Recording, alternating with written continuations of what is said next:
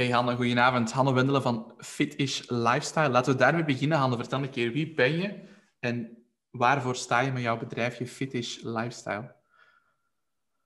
Dus ja, ik ben Hanne Wendelen. Ehm, ik ben, goh, nu moet ik al even terugdenken, een, een jaar geleden ongeveer gestart um, als bijberoep personal training. Ben toen door Dylan gecontacteerd geweest van Beamer Personal Training, al twee jaar team. Um, of ik geen personal trainer wil worden in de Basic Club. En ik had zoiets van, ja, weet je, ik zag dat wel zitten. Ik was al zes jaar redelijk consistent aan het trainen in de fitness. Maar ik had nog zo'n idee van, ja, ik, ik, ik heb er het lichaam niet voor. Allereerst, ik had echt nog zo'n stereotype van een personal trainer. Die moet perfect afgetraind zijn. Um, ik had zoiets van, nee, ik ben er momenteel nog niet klaar voor. Um, ik was ook pas begonnen bij de politie dan. Dus ik was nog vrij jong om ermee te beginnen. Ik was, ik was er nog niet klaar voor. Maar heeft dat eigenlijk nog een paar keer opnieuw blijven vragen. Uiteindelijk heb ik gevraagd, maar kijk, doet je ook online coaching? Want Beamer Personal Training was eigenlijk toen maar pas um, in de opstart, de eerste keer dat hij me gevraagd had. En ik stelde eigen vraagje als online coach, dat zou ik nog wel um, gecombineerd kunnen krijgen. Dus daar stond ik dan wel voor open. Um, maar ja, andere situaties waar op mijn werk ben ik van, van, van een functie veranderd. Dus ik moest me daar weer even op focussen om er meer uit bij te leren. En na een jaar heb ik dan toch gezegd van oké, ik ga de stap wel nemen om dan online coaching te doen. Dus als online coach te starten bij um, Beamer Personal Training. En ik denk dat ik een drie, viertal maanden nog niet echt een naam had, gewoon puur uit mijn eigen naam. Um, mensen coachten online dan en, met Instagram bezig zijn en, en proberen met marketing en zoveel mogelijk daarover bij te leren. En uiteindelijk had ik zoiets van, ik heb, ik heb een merknaam nodig. Ik wil iets opbouwen, ik wil een, een soort van bedrijfje. Dus ben ik gaan nadenken van, oké, hoe kan ik dat doen? Ik wil dat niet zozeer volledig in mijn eigen naam doen, maar ik wil eigenlijk meer een community opbouwen, dus een bepaalde naam uh, creëren. En zo is eigenlijk ja, Fit is Lifestyle eruit gekomen, puur omwille van de normen en de waarden waar ik achter sta. Dus, dus voor mij, ik, ik, ik, focus mij voornamelijk op vrouwen. Um, dat is mijn doelgroep. Um, en vrouwen die eigenlijk een beetje van het, het stigma af willen, van het diëten af willen, van je moet er zo uitzien. Um, vrouwen die gewoon willen sporten, gezond willen zijn en goed in hun vel voelen, dat is uiteindelijk mijn doelgroep. En daar focus ik me op, vandaar die naam Fit is. Dus uh, ja. En dat is, ook, dat is ook volledig wie dat ik als persoon ben. Hè. Super. Dat zit zo aan de grote lijnen, denk ik. Dus eigenlijk het feit van alles wat je nu verteld hebt, is mij één ding, allee, verschillende dingen opgevallen, maar één ding dat, je, dat er echt buiten, allee, bovenuit sprong, om het zo te zeggen, was dat je zei van, je hebt lang getwijfeld om personal trainer te worden, omdat je dacht, ik heb het perfecte, strakke lichaam nodig en anders ben ik niet goed genoeg. Ja, ja, ja. Dat is echt iets wat dat heel erg leeft in onze sector. Hè. Maar dan, ja, dat is, dat is erg, dat is jammer. Maar er zijn wel meer en meer personal trainsters en trainers die net als jou ook wel meer gaan voor die feel good, be healthy en niet per se strak zijn of een heel laag vetpercentage hebben. Dus het komt meer en meer op. Ik vind het een hele leuke trend. Maar ik dan vragen wat dat jou dan toch geholpen heeft om te zeggen van oké, ik ben wel goed genoeg, ik word toch personal trainer. Wat heeft jou echt over de streep getrokken dan om het wel te doen? Ja, weet ik zat op dat moment ook in een heel andere fase in mijn leven. Dus ik, ik dacht ook nog van echt, ik wou mijn eigen ook echt bewijzen, als ik het zo moet zeggen. Ik wou een afgetraind lichaam hebben. Ik was heel into fitness, diëten, à volonté. Um, dan een keer dat proberen, dan dat proberen. En, en ja, op een gegeven moment had ik zoiets van, ja, de klik gemaakt van, dit is het niet. Ik word hier niet gelukkig van. Ik wil gewoon eigenlijk kunnen eten wat ik wil eten, zonder daarbij moeten na te denken, maar gewoon ook sporten en plezier te hebben aan fitnessen. En de keer dat ik die klik had gemaakt, had ik zoiets van, maar ik kan niet de enige zijn die dat ermee zit. Precies. En ik had zoiets van, ik heb wel de ervaring, ik wil daarover bijleren. Ik, ik studeerde mij, al die jaren heb ik mij al ingestudeerd, gewoon door zelf dingen op te zoeken, YouTube te kijken, maar op ik had zoiets van, ik weet best wel veel eigenlijk als ik het zo... Dus ik heb hier en daar zo'n paar keer de bevestiging gekregen. Maar ik zoiets van, en zeker ja, corona is toen begonnen. En um, we gingen op vakantie naar Bali drie weken. En ik had mijn eigen voorgehouden, na die vakantie, nog één keer goed op vakantie, dan um, ga ik er gewoon aan beginnen. Ik ga het gewoon doen, de stapwagen. Wat heb ik te verliezen eigenlijk? Dus uh, ja, zo is het eigenlijk een beetje gekomen. Ik vind dat een leuk denkpatroon dat je inderdaad zegt van ja, als ik daarmee zit, dan zijn er ongetwijfeld anderen. En dat is ook zo, hè ik denk dat we heel vaak, of dat iedereen door een bepaalde fase gaat in zijn leven, dat dan denkt van, ah, ik ben anders, of om, om die reden of om die reden. En dat je dan zo begint te denken van, oei. Hè, want je ziet dan op social media vaak de, de perfecte voorbeelden of mensen die het anders doen. Maar inderdaad, er zullen altijd mensen zijn die net zoals u tegen dezelfde problemen aanlopen. En net voor die mensen kan jij ongelooflijk veel betekenen. Ja, inderdaad. Ja, ja. Is het dan ook zo, want als u een doelgroep natuurlijk, die, die dames, is het dan ook zo dat de meeste van uw klanten binnen die doelgroep passen? Um, ja. Ja, ik moet wel in het begin... Ja, als je pas begint, dat is een beetje moeilijk. Hè? Dan, dan, pak je aan wat je hebt eigenlijk. Dus je begint en, je hebt mensen die je kennen. Dus ik had eigenlijk mensen van allerlei kanten, mensen die willen afvallen, bijkomen, mannen, vrouwen, maakte allemaal niet uit, verschillende leeftijden. Ehm, en ik werkte ook echt nog met voedingsschema's, alles, ja, alles zelf uh, op te maken, trainingsschema's met een Word-documentje. En ik merkte van, dit, dit werkt niet. Hoeveel werk? Ja, veel te veel werk, veel te veel uren insteken. Um, dat was, nee, nee, dat was niet de manier. En geleidelijk aan ben ik eigenlijk beginnen werken naar een doelgroep, mede door, door de challenge van jou, ben ik daar meer en meer over beginnen nadenken. Omdat ik al bepaalde accounts ook volgde. Um, en toen had ik op een gegeven moment had ik zoiets van, ik wil, ik wil met vrouwen werken, ik vind dat het fijnste. Um, en uiteindelijk zijn er ook vrouwen wel van verschillende achtergronden, maar de leeftijdscategorieën blijven wel redelijk hetzelfde. Dus ik denk wel dat ik kan zeggen dat ik, uh, dat ik binnen mijn doelgroep zit. Ja. Oké. En wat doe jij dan, puur dat interesse, inhoudelijk voor je klanten? Als jij hen coacht, wat doe jij anders dan een andere personal trainer? Omdat je specifiek met die doelgroep werkt, kan ik me voorstellen dat jouw doelgroep bepaalde noden en bepaalde pijnpunten heeft. Zijn er zo zaken die, die dat je denkt van, die doe ik anders om mijn doelgroep zo goed mogelijk te ondersteunen? Ik focus mij niet zozeer op de resultaten. Um, ik vind plezier heel belangrijk in training. Ik vind niet het gevoel hebben dat je op dieet bent, vind ik heel belangrijk. Um, en uiteindelijk probeer ik echt zoveel mogelijk kennis mee te geven op het gebied van voeding en training. Dus ik, ik geef ze eigenlijk van allerlei dingen. Ik laat ze van alles uittesten. Dat kan een keer pliometrie zijn, dat kan hit zijn, dat kan puur krachttraining zijn. Um, een beetje van alles. Wel natuurlijk binnen de bepaalde normen dat je, dat je blessures hebben natuurlijk niet. Maar ja, ik denk dat ik wel echt het, het onderscheid maak dat ik niet zo resultaatgericht ben. Um, als klanten echt een vetpercentage meting willen, dan, dan doe ik dat wel. Dan krijgen ze dat bij mij als ze erachter vragen. Maar ik zal het niet direct voorstellen. En, en de meeste klanten appreciëren dat ook wel. Um, dus ja, alleen de meeste ja, allemaal. Anders blijven ze niet. Voilà. En zijn er dan andere dingen dat je doet om progressie te meten? Want los van het feit dat je dan niet focust op het stukje minder vetpercentage of minder gewicht, wat dat dan ook deel is van je concept, dus dat vind ik goed dat je dat doet.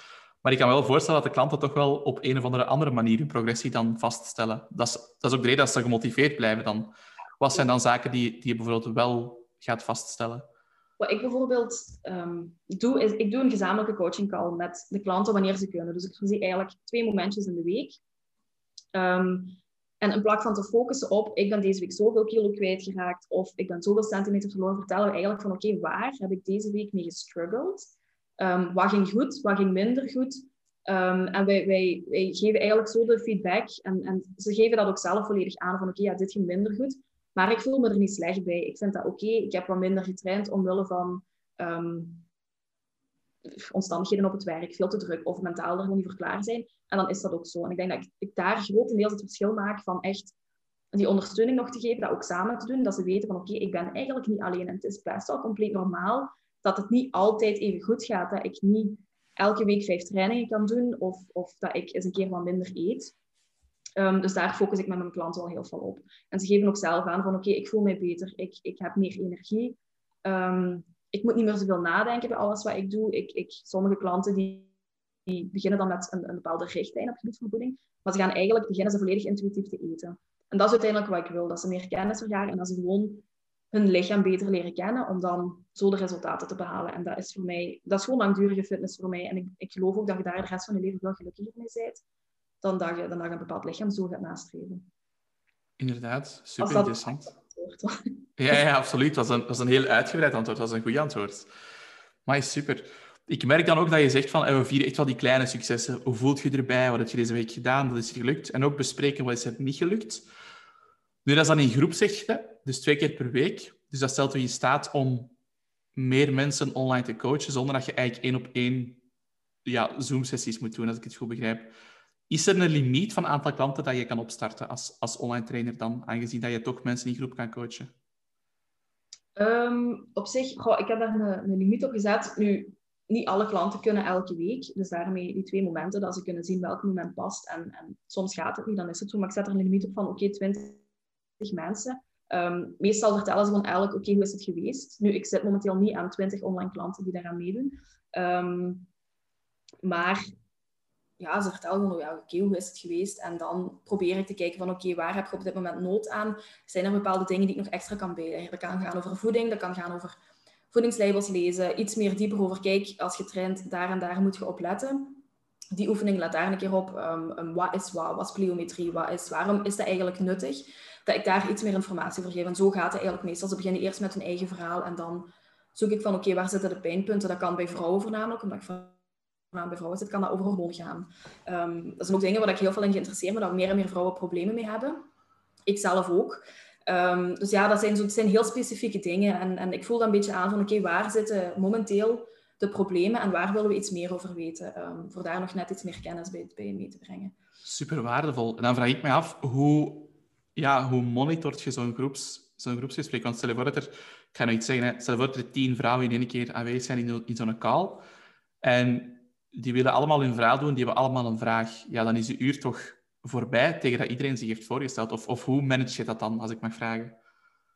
Ik, meestal zeg ik, oké, iedereen op mute. dat is om te beginnen, dat we geen geluiden achter elkaar hebben. En ik ga gewoon... altijd een goede, een goede startmoment. dat gaat anders niet, hè. Anders dan gaat het niet, zeggen ze bij ons in Limburg. Um, maar nee, dan ga ik gewoon het rijken af. Ik, ik zeg zelf van, oké, bijvoorbeeld, um, Jolien staat bij mij links. Jolien, begint jij maar met je verhaal. En dat, dat duurt meestal niet super lang, omdat, omdat ze elke week komen. Dus um, ik, ik denk dat dat twee minuten per persoon of zoiets als een verhaaltje doen. Dus op zich valt dat eigenlijk wel heel goed mee. Um, ja, ik kan er eigenlijk... Ik, ik heb denk ik nog geen ene keer gehad dat ik echt over dat uur zit. Tenzij dat het dat gesprek echt helemaal uitweet. Of dat... Ik babbel soms graag. Als je mij... Een keer dat je mij aan de gang krijgt, dan... Uh, dan laat ik niet los. Zeker als zo'n topic is dat je interesseert. Ik heb dat ook enorm hard op het gebied van marketing, dus ik begrijp dat. Dat is geen probleem, Anne. maar zijn er zo andere zaken dat je doet? Bijvoorbeeld, stel je voor dat iemand... Allez, dat is iets wat ik zelf al ervaren heb en ik wil, ik wil vooral een keer horen van uw kant hoe dat jij dat aanpakt. Als iemand een, een groepsgesprek domineert, als iemand eigenlijk de aandacht opeist. Ik weet niet of dat je dat hebt meegemaakt en hoe gaat je daarmee om? Eigenlijk niet. Ehm, nee, ik heb dat nog niet echt aan de hand gehad, dat ik echt eens heb van oké, okay, eh, rond nu een beetje af.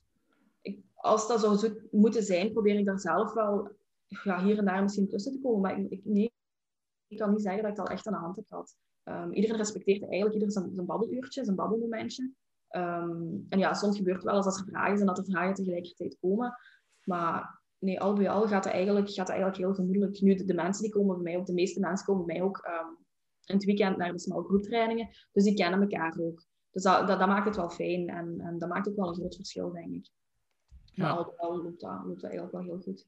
Super. En dan ben ik ook wel benieuwd naar de rest van uw traject. Als klant bij jou starten, naast die groepscalls, die groepsessies elke week, wat bied jij verder nog aan van ondersteuning naar je klanten voor online coaching? Um, dus ik doe inderdaad ook voedingsbegeleiding, maar ik maak daar um, gebruik van weekmeals. Uh, dat is eigenlijk een app waar dat de klanten volledig zelf de vrijheid hebben. Dat vind ik heel belangrijk. Um, ik, ik, wil mijn klanten niet iets opleggen van dit moet je eten. Voor mij voelt dat aan als een dieet. Dus ik, krijg wel, ik werk wel met macro's, als je het zo kunt noemen. Dus, dus dat macroprofiel wordt ingesteld. Maar ze krijgen ook zoveel recepten dat ze zelf uit kunnen kiezen. Um, als ze willen, kunnen ze even proberen van macro's te tellen of hun gerechten te maken en kijken van oké, past dit eigenlijk binnen mijn behoeften?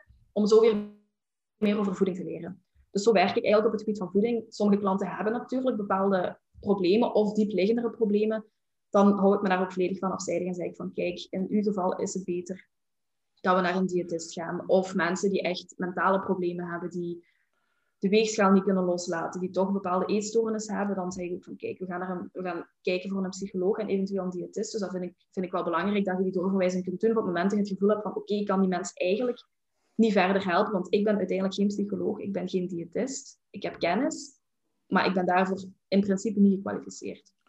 Dus ik probeer er wel, um, zeker op het gebied van voeding, mee op te passen. Um, en ja, op het gebied van training probeer de training gewoon leuk te maken, maar wel, wel opbouwend. Dus dat we één, alles in het lichaam behandelen, zowel de balans, dat we echt die spiercoördinatie zo goed mogelijk um, aanpakken. En ik werk eigenlijk met fases in mijn trainingsschema. Um, beginnende klanten die nooit gesport hebben, probeer ik dat zo leuk mogelijk te maken met kortere fases, dat ze niet zes weken het, hetzelfde trainingsschema hebben eigenlijk, maar dat ze, dat ze eigenlijk ja, gewoon elke maand een ander schema hebben. Dus in principe krijgen ze van mij elke maand een ander schema. Daar, daarvoor werk ik met Workout Lab samen. Um, dat is wel iets Amerikaans, maar ik vind het heel makkelijk om schema's te maken. Dus ik heb wel alles ondertussen al volledig gedigitaliseerd. Wat dat heel veel, heel veel tijd bespaart. Dat kan ik me voorstellen. En welke applicatie of welke software was dat? Workout Labs. Workout Labs, die ken ik niet. Dat ga ik eens bekijken. Dat is wel een interessante. Dat is nog één tip voor de mensen die luisteren. Volledig in het Engels wel. Um, ja. Maar dat is, dat is wel iets handigs. Ik denk dat dat... 300 euro per jaar is voor dus qua prijs is dat eigenlijk valt dat heel goed mee. Valt um, nog mee, Daar ben ik heel content van, ja.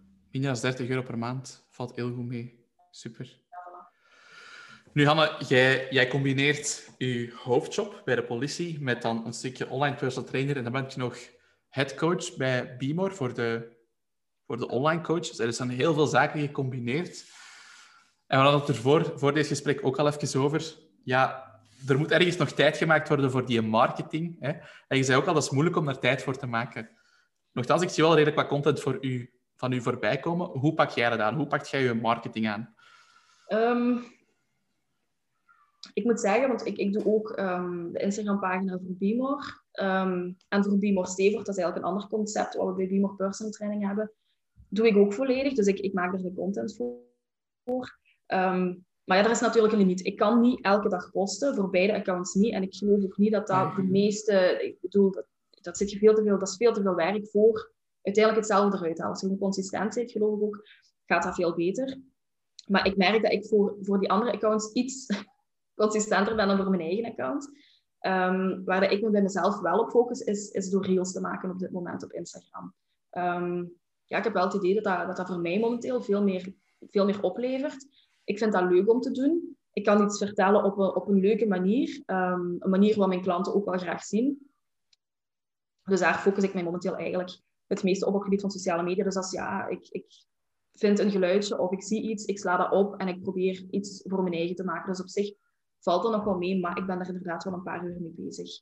Ehm, dus voor te zeggen, ik heb een, een heel plan opgesteld, dat is bij mij niet het geval, behalve voor de andere accounts doe ik dat wel. Maar voor mijn eigen gaat dat niet daar heb ik, daar heb ik geen tijd meer voor. Dat gaat niet. Nee. Oké. E-mail marketing. Ik ben al zo lang aan het zeggen, ik ga dat opzetten, maar nee, nee komt, er, komt er niet van. Een, welkom, welkomstcampagne, dat is wel de moeite aan. Gewoon een welkomstcampagne, drie, vier mailtjes en, en that's it. Meer moet, je, meer moet je niet doen. Maar dat is echt wel de moeite, zeker, zeker. Um, dan ben ik ook wel benieuwd, waar focust jij op in je content voor uw doelgroep? Zijn er zo bepaalde pijlers of topics waar je zegt, daar bouw ik het meest aan mijn content rond? Um, ik, ik, heb in principe een, een themaschema. Dus ik, ik, maak wel een schema op van oké, deze content en dat wisselt dan ongeveer af. Um, als ook ja, qua marketing. Ik kijk wel naar mijn brandingkleur, dus ik probeer dat wel visueel ook aantrekkelijk te maken. Um, maar het gaat een beetje met, met fases in mijn eigen leven eigenlijk. Dus ik, ik, ik, heb er niet, ik heb wel een bepaald doelgroep en ik weet waar ik naartoe wil. En uiteindelijk komt dat altijd wel terug. Maar ik kijk ook van, oké, waar struggle ik vandaag zelf mee? Of, of deze week of de laatste tijd? En daar gaat mijn content net iets meer naartoe. Dus bij mij gaat het eigenlijk meer in fases. Dan bijvoorbeeld een week gaat het meer over voeding, een week gaat het meer over training, dan gaat het over hormonen. Dan... Dus het wisselt zo'n beetje af met hoe zit ik momenteel zelf in mijn vel. Omdat ik merk dat ik zo meest authentieke en, en meest authentieke content kan leveren. En in plaats van het zo in te plannen en vandaag dit, vandaag dat, dan is dat voor mij heel moeilijk om op dingen te komen. Ehm, dan, dan heb ik geen inspiratie. Maar dat vind ik een mooie. Dat vind ik een mooie wat je zegt. Dus eigenlijk je content baseren op hoe dat je voelt en welke fase dat je zelf doormaakt met, met je bedrijf, met je persoonlijk leven, dat je dat dan deelt. En zo kun je authentiek content maken. Mooi, mooi.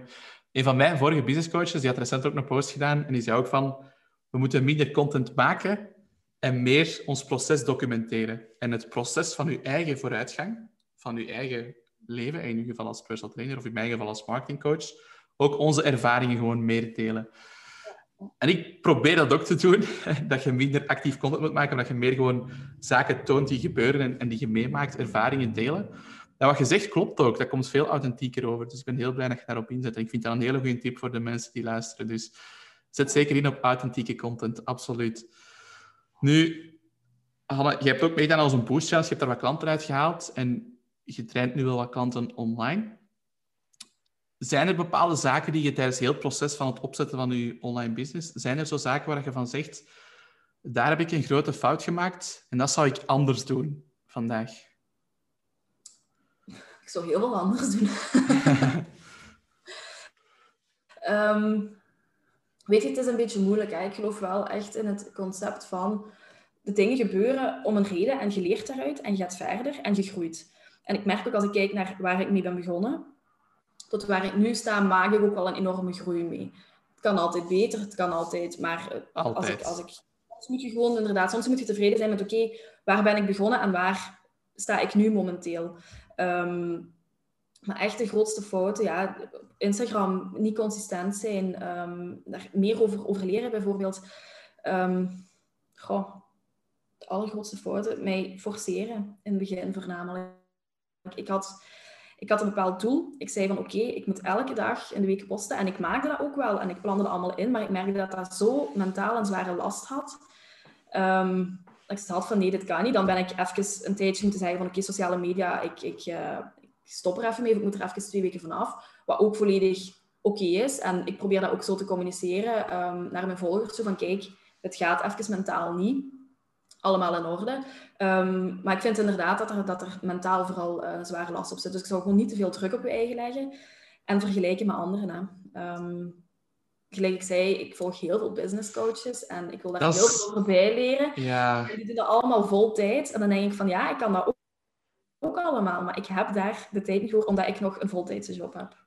Dus dat is um, soms heel moeilijk wat vergelijken. Ik vergelijk mijn eigen met mensen die dat voltijds doen. En daar ben ik sinds kort um, mee gestopt, omdat ik merk dat dat mentaal een veel te zware last is. Dus ik denk dat uh, dat, dat wel de grootste fout is die ik, uh, die ik heb gemaakt. Ja. Als ik eerlijk ben, is dat heel herkenbaar. En ik heb zelfs een aantal profielen ontvolgd, omdat ik voelde dat het heel veel negatiefs deed met mijn mindset en mijn manier van denken. Omdat ik eigenlijk ook, net zoals jij zegt, heel dankbaar ben voor waar ik nu sta, met de business en ook privé. Maar toch is het een valkuil om naar die andere mensen te kijken en te denken van oh, ik zou daar ook kunnen staan, ik zou dat ook kunnen. Maar iedereen heeft zijn weg af te leggen, dus ik ben blij dat je dat ook weer even deelt. Dat vind ik echt een hele waardevolle. Um, nu, wat doe jij dan specifiek? Ik heb dan een aantal mensen ontvolgd, echt bewust gewoon verwijderd, omdat ik wist dat het mij zou helpen om dat gewoon niet meer aan te denken. Zijn er zaken die jij dan doet om daar, om daar, minder, mee, om daar minder mee te kampen met die vergelijkingsdrang? Want het is iets menselijk, het is, het is volkomen normaal. Ja, ja. Als, ik dan, als ik dan kijk, vroeger vergeleek ik mij met inderdaad, ja, meisjes op Instagram dat is gewoon lichaam, dat was gewoon zo. Dat, ik weet, heel veel mensen doen dat nu nog altijd. Toen ben ik ook op het punt gekomen van, ik word er niet gelukkig van. Ik heb die mensen inderdaad ook allemaal ontvolgd. Maar langs de andere kant, je leert ook heel veel van die mensen. Um, business coaches die ermee bezig zijn met Instagram. Dus ik vind het moeilijk om te zeggen, ik ontvolg. Dus ik heb daar meer echt in de mindset en mentaal meer aan veranderd. En gezegd van, oké, het is niet erg, je staat waar je staat. Probeer meer te relativeren. Um, en ook als ik, als ik merk van, oké, ik ben mijn eigen weer aan het vergelijken. Of, of volgers, dat was iets verschrikkelijks. Hè? Volgers verliezen. Oh, ik vond dat zo erg. Nu heb ik zoiets van, ja, oké, misschien zijn dat gewoon... Dat zijn geen potentiële klanten, dus oké, maakt niet uit. Um, of iemand anders die in één keer heel veel volgers kreeg, dat ik dacht van, maar nee. En wat, doe ik anders? En mij inderdaad op, dat manier, op die manier weer beginnen vergelijken met anderen en kijken van, oké, ja, wat doen die eigenlijk? Um, en ik heb op een gegeven moment gezegd van, oké, nee, het is, het is goed. Um, je bent goed bezig, je hebt je klanten. Je moet niet... Allee, ik, ik overwerk me niet. Ik moet niet in de ganse dag werken, want dat gaat gewoon niet. Daar moet ook realistisch in zijn. Dat, dat houd je maar zo lang vol, totdat je volledig een burn-out hebt. Dus ik probeer echt wel mijn eigen eerst, mijn eigen mentale gezondheid eerst, en dan pas al de rest. Dus ik, ik heb geleerd van beter te relativeren. Mooi. Dat is ook iets wat je daarnet ook al aanhaalde. Die balans is wel belangrijk. Hè? Die, die, die work-life balance, als we het zo mogen, mogen noemen. Nee, super waardevol. Heel, heel waardevol. Ja, wat je zegt inderdaad klopt. Hè. Als je dan volgers verliest, eigenlijk moet er dan gewoon je eerste reactie moeten zijn van oké, iemand heeft mij ontvolgd, dus de content was niet relevant voor hun. Oké, dat is niet mijn ideale klant. That's it. Die volgen nu gewoon om een keer te kijken wat dat je doet. Als je dat niet meer volgt, dan weet je van oké, dat was niet de persoon die binnen mijn doelgroep past. En dat is het mooie, want door die authentieke content gaat je dan ook wel de personen die, ja, die wel een bepaalde connectie met je voelen, die gaan dan ook wel behouden. Maar dan gaat je die band nog versterken. Dus dat is inderdaad de juiste manier om naar te kijken, maar dat is inderdaad een valkuil om je volgers elke dag te gaan bekijken en kijken van, oh, zijn er weg, zijn er bij. Dat ik doe dat nog, maar uh, het, doet, het, doet, me iets minder. Um, ik denk gewoon, oké, ik blijf gewoon mijn eigen ding doen en, en ik doe waar dat ik achter sta. En dat is soms heel moeilijk om terug naar je eigen te gaan van, maar wat vind ik nu eigenlijk belangrijk? Wat vinden mijn volgers belangrijk? En, en zo, ga ik, zo kijk ik ook wel verder. Perfect. Dus het is logisch... Um, ik ben mijn eigen ook beginnen beseffen van oké, het is normaal, ik doe dit niet in hoofdberoep. Ik kan mijn hele marketing niet plannen. Um, dus het is ook normaal dat ik misschien minder resultaten heb als iemand die het volledig in hoofdberoep doet. Iemand die dat wel allemaal kan inplannen. Iemand die daar een heel idee achter kan steken. Die daar tijd voor heeft. Dat is logisch dat dat niet gaat. En dat is ook helemaal niet erg. Dus, ja. En die fulltime coaches, die hebben dan misschien ook iemand in dienst die het voor hun doet. Hè? Dat kan ook al. Dat is de volgende stap. Nee, dat is, dat, is, dat is leuk dat je dat aangeeft. Nee, nu, Hanna, buiten dat stukje, je zegt, zegt work-life balance en dan een stukje ook um, minder vergelijken met anderen, dat vind ik al twee belangrijke punten. Is er nog iets waarvan je denkt van, dat was een grote fout die ik gemaakt heb.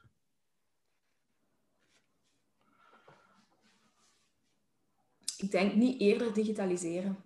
Ik had dat eigenlijk van het begin deftig moeten uitkijken, maar natuurlijk gestart, er komen kosten bij kijken. Je weet niet of je dat eruit gaat halen. Dus dat is in het begin een beetje moeilijk, maar het had me wel heel veel werk bespaard, die ik ergens anders in kon steken en iets meer relevant dingen. Um, dus ja, ik denk, ik denk dat voornamelijk wel. Gelijk mijn website bouwen, dat was ook iets wat niet zo... Allee, ik heb daar redelijk veel verkeer op eigenlijk. Ik zou niet zeggen dat ik daar super veel klanten uithaal, maar de mensen kunnen wel alle informatie op één plaats vinden. Um, en ik denk dat dat heel waardevol is, want ik krijg eigenlijk van veel mensen niet meer apart DM's um, met heel veel vragen die ze stellen. Dus ja, dat zegt mij van oké, ze kunnen de informatie ergens vinden die ze nodig hebben. En ik word daar minder mee belast van mensen nog constant te sturen. Want in het begin zat ik constant op mijn gsm mensen te antwoorden, aan mijn klanten te sturen. En daar heb ik ook ergens tien uur, is tien uur. En dan, dan gaat dat ook gewoon volledig uit. Uh, stopt het ook. Dat is ook een goede regel. S'avonds je, je gsm van een bepaald uur gewoon afzetten, want anders ben je gewoon de hele dag bezig met klanten te beantwoorden en zo verder. Ja. Dus je is wel leuk om op in te pikken. Um, ook omdat ik daar zelf soms wel moeite mee heb, als ik eerlijk toegeef, is hoe stelt je duidelijke grenzen met je klanten qua opvolging? Want je zegt, ik heb die vaste contactmomenten. Je hebt dan het programma dat je aanbiedt en een voedingscoaching, dus dat is allemaal prima. Maar wat als de klant extra vragen stelt via mail, via WhatsApp of in het meest extreme geval, ze bellen nu op. Hoe gaat je daarmee om als dat gebeurt? Of hoe zet je daar duidelijke barrières op? Um, mijn ervaring is dat dat meestal bij beginnende klanten is. En dan hou ik zoiets van, oké, dat is normaal dat hij nog maar veel vragen zit. Dus ik maak daar niet direct veel van. Um, maar klanten die echt al wat langer zijn en mij constant vragen sturen, zeg ik wel van, kijk, hou je vragen voor in de coaching al, denk er nog eens aan. De anderen hebben daar ook iets aan, kunnen daar ook heel veel uit leren. Dus ik ga dat dan gewoon beantwoorden. Dus daar, um, ja, korte metten mee maken wil ik niet zeggen, maar ik probeer er wel redelijk strikt in te zijn, ook puur gewoon voor de anderen, dat zij er meer uit kunnen leren. En ik kan het ook gewoon, als ik, als ik met iemand aan het babbelen ben, kan ik dat veel beter overbrengen dan vijf minuten liggen typen, ah ja, nee, dat is toch niet goed, terug maar weg, 15.000 fouten maken. Um, dus ja, ik dat beter zo uitleggen. Dan, uh, dus, dus zo probeer ik het eigenlijk meestal te doen, mede omdat in het begin deed ik dan niet die coaching calls en stuurde ik wel iedereen elke week een bericht. Hoe gaat het? Oh, veel werk. Oh ja. En dat was meestal de vaste dinsdag, want dan had ik dinsdag eens een keer iets opstaan en dan werd dat woensdag en dan... Dus ik kon daar ook niet consistent in zijn. En nu is dat gewoon een uurtje per week, dat plan ik in. En ik merk dat de mensen meer vertellen dat, dat ik een veel beter contact heb met de mensen die ik alleen online begeleid. Um, en dat heeft gewoon veel meer waarde voor mijn klanten ook. En ik vind dat zelf ook veel aangenamer. Dus, uh, en heb je ook het gevoel, door die manier van werken, dat klanten lang bij u blijven? Ja, dat denk ik wel. Dat ik. heb natuurlijk altijd mensen die een keer proberen en die dan teruggaan. Um, maar inderdaad, ja, uiteindelijk, mensen kennen u alleen van Instagram, maar mensen kennen u eigenlijk niet als persoon dat je iets uitlegt. En als je dat wel kunt doen, um, heeft dat gewoon een veel, veel grotere meerwaarde. En de klanten voelen een meer verbonden met u. En, en ze hebben het gevoel dat ze u nog beter kennen. Dus um, de klanten die ik nu heb, zijn eigenlijk allemaal vaste klanten die, die ondertussen al bijna een jaar bij mij bezig zijn. Dus ik heb zeker niet te klagen. Nee. Dat geeft ook een beetje zekerheid natuurlijk als die mensen bij u blijven. En je kent die mensen ook. Je merkt ook op het moment dat, je, dat iemand twee, drie maanden bij een coaching zit, weet je wel van oké, voor die is dat belangrijk. Na een maand weet je dat niet. Dus dat is ook zoiets wat ik heb geschrapt in mijn, in mijn aanbod. Die maand, één maand voedingsbegeleiding. Um, ja, voedingsbegeleiding doe ik dan wel nog, maar één maand online coaching. Ik doe dat niet meer, omdat ik merk van, ik ken die persoon niet. En de, de, ze zijn sneller geneigd voor na die maand te zeggen, oh nee, ik stop ermee. Um, dus bij mij is het minimum drie maanden. Omdat ik die mensen ook gewoon veel beter kan verder helpen. Maar ze hebben dan wel een gratis intakegesprek of iets dergelijks dan, om kennis te maken? Of... Ja. Ah, oké. Super doe ik wel. Um, mensen kunnen via mijn website wel rechtstreeks een intakeformulier invullen. Maar zelfs dan nog doe ik altijd een gesprek met de mensen voor alles nog eens uit te leggen. Van kijk, zo en zo werk ik. Zijt je daar oké okay mee? Oké, okay, dan starten we. Um, dat doe ik dan. Ja, dat doe ik dan ook.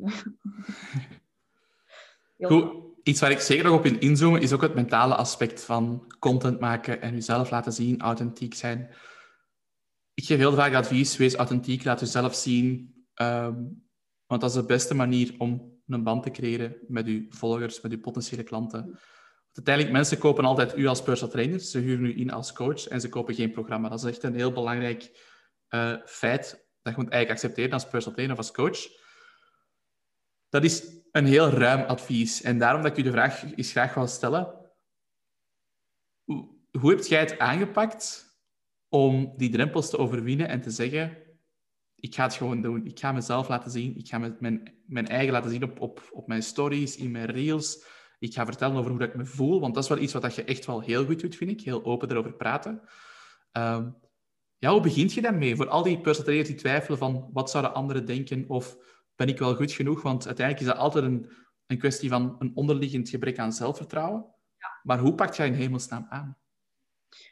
Um, ik had in het begin ook, je wilt zo te perfect zijn in, je, in, je, ja, in alles gewoon. Je wilt wel dat de mensen leren kennen, maar eigenlijk wilt jij mensen ook dingen bijleren. Maar ik, ik voelde ook van, dit is niet, dit werkt niet. Um, en op een gegeven moment heb ik gewoon gezegd van, oké, nu je krijgt in een privé krijg ik ook veel tegenstand van, ja, maar zet je niet te veel over je eigen aan het vertellen? denk van, ja, oké, maar uiteindelijk is het wel een Instagram-pagina.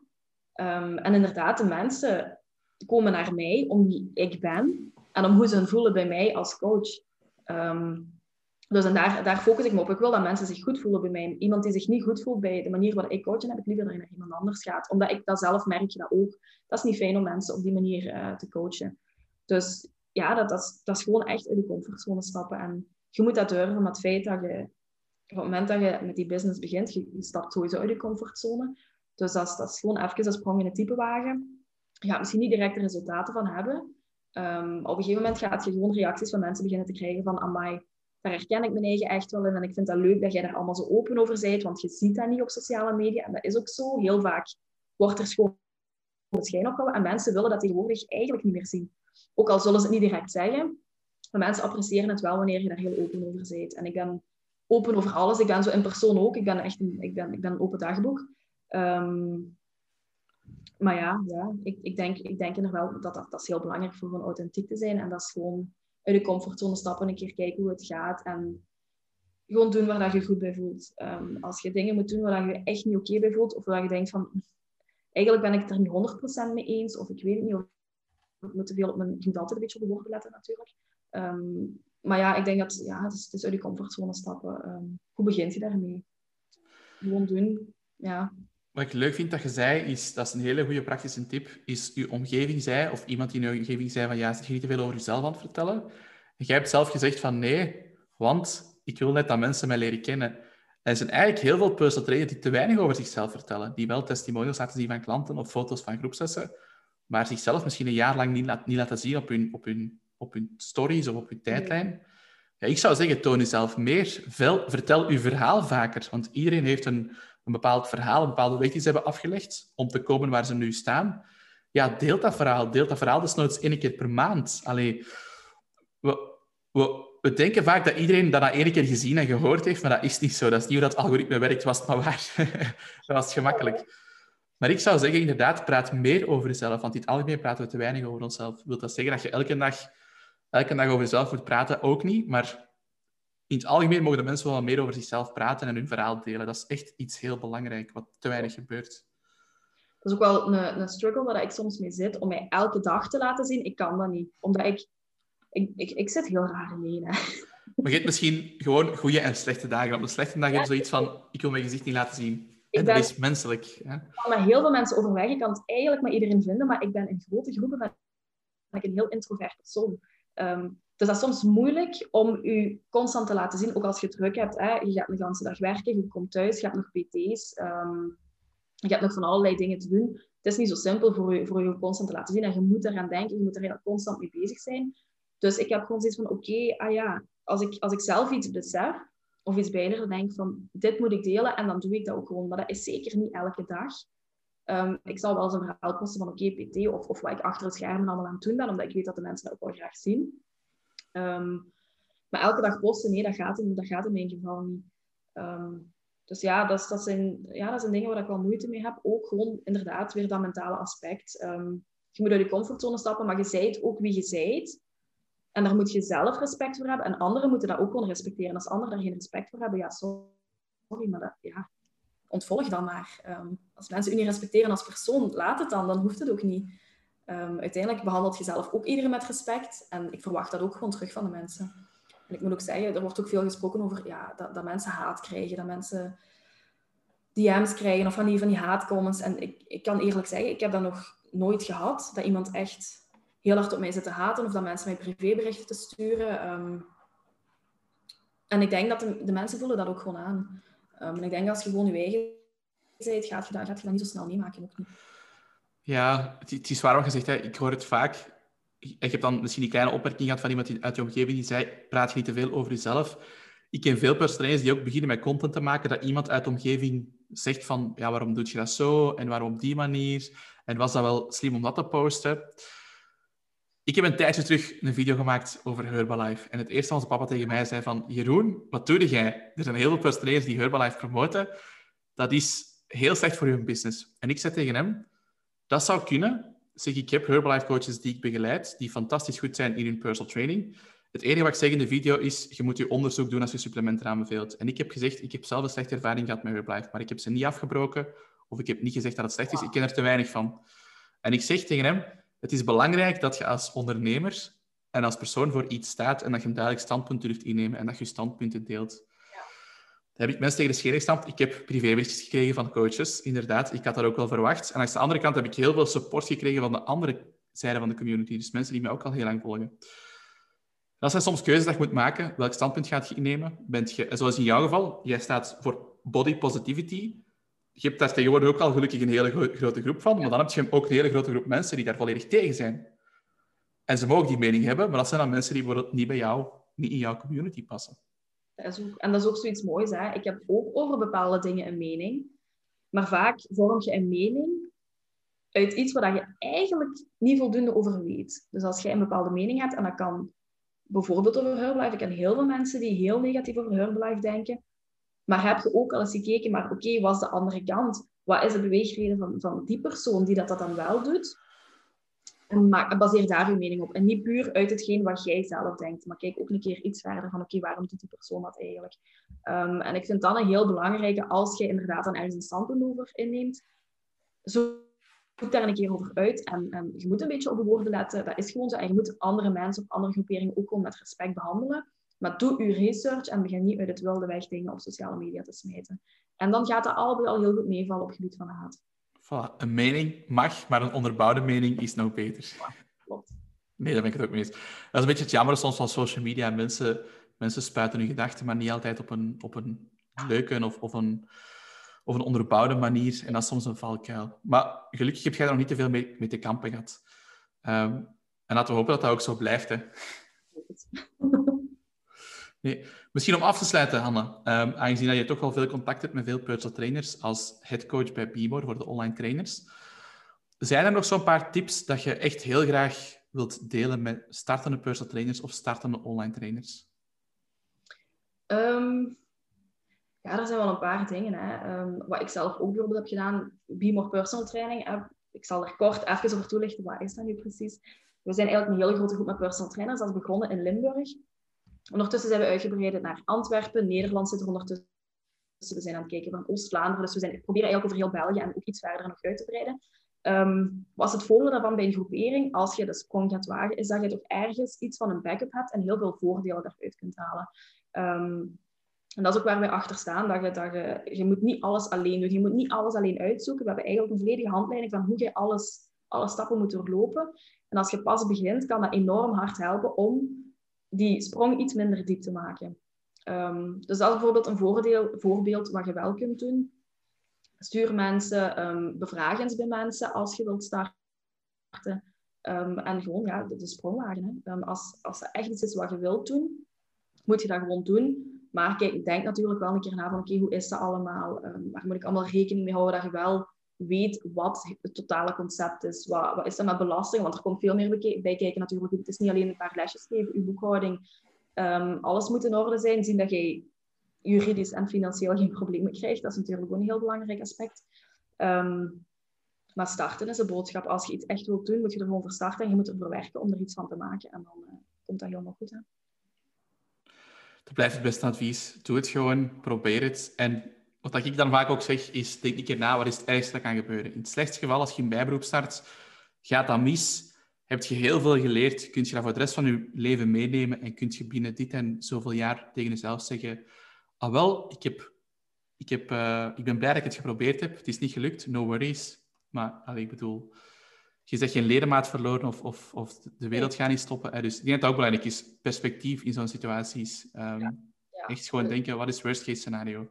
We proberen niet, niet, ehm, niet te naïef te zijn. Um, dat is soms heel moeilijk, hè? want je ziet natuurlijk, in het begin ziet je alleen de mooie kanten ervan. Maar het is wel echt belangrijk dat je toch echt eens gaat kijken van oké, maar wat komt er nog allemaal extra bij kijken? En uh, ik denk inderdaad dat dat wel gewoon zien dat je voldoende informatie hebt. Um, en als je doorzet en je doet daar je best voor, dan wordt het sowieso iets. Als jij uit elke situatie, uit elke fout je maakt, als je er iets uit kunt leren, als jij wilt verbeteren, wat de meeste mensen in de fitness ook uiteindelijk willen doen. Dus ik veronderstel dat als je personal trainer wilt worden, dat jij ook um, bepaalde doorzettingsvermogen hebt. Alle personal trainers die ik ken toch. en dat je daar gewoon mee verder gaat, dat je blijft leren. die nieuwsgierigheid behoud dat de rest van je leven. Je kunt heel je leven lang leren. Je kunt elke dag iets bijleren. Dat is iets wat je in je achterhoofd wel moet houden. Ehm, denk ik dan. Gewoon voor vooruit te gaan. En, na een jaar gaat je zien welke groei je hebt doorgemaakt. En dat geeft er net weer wat meer motivatie om het toch nog beter te doen, om toch nog verder te gaan.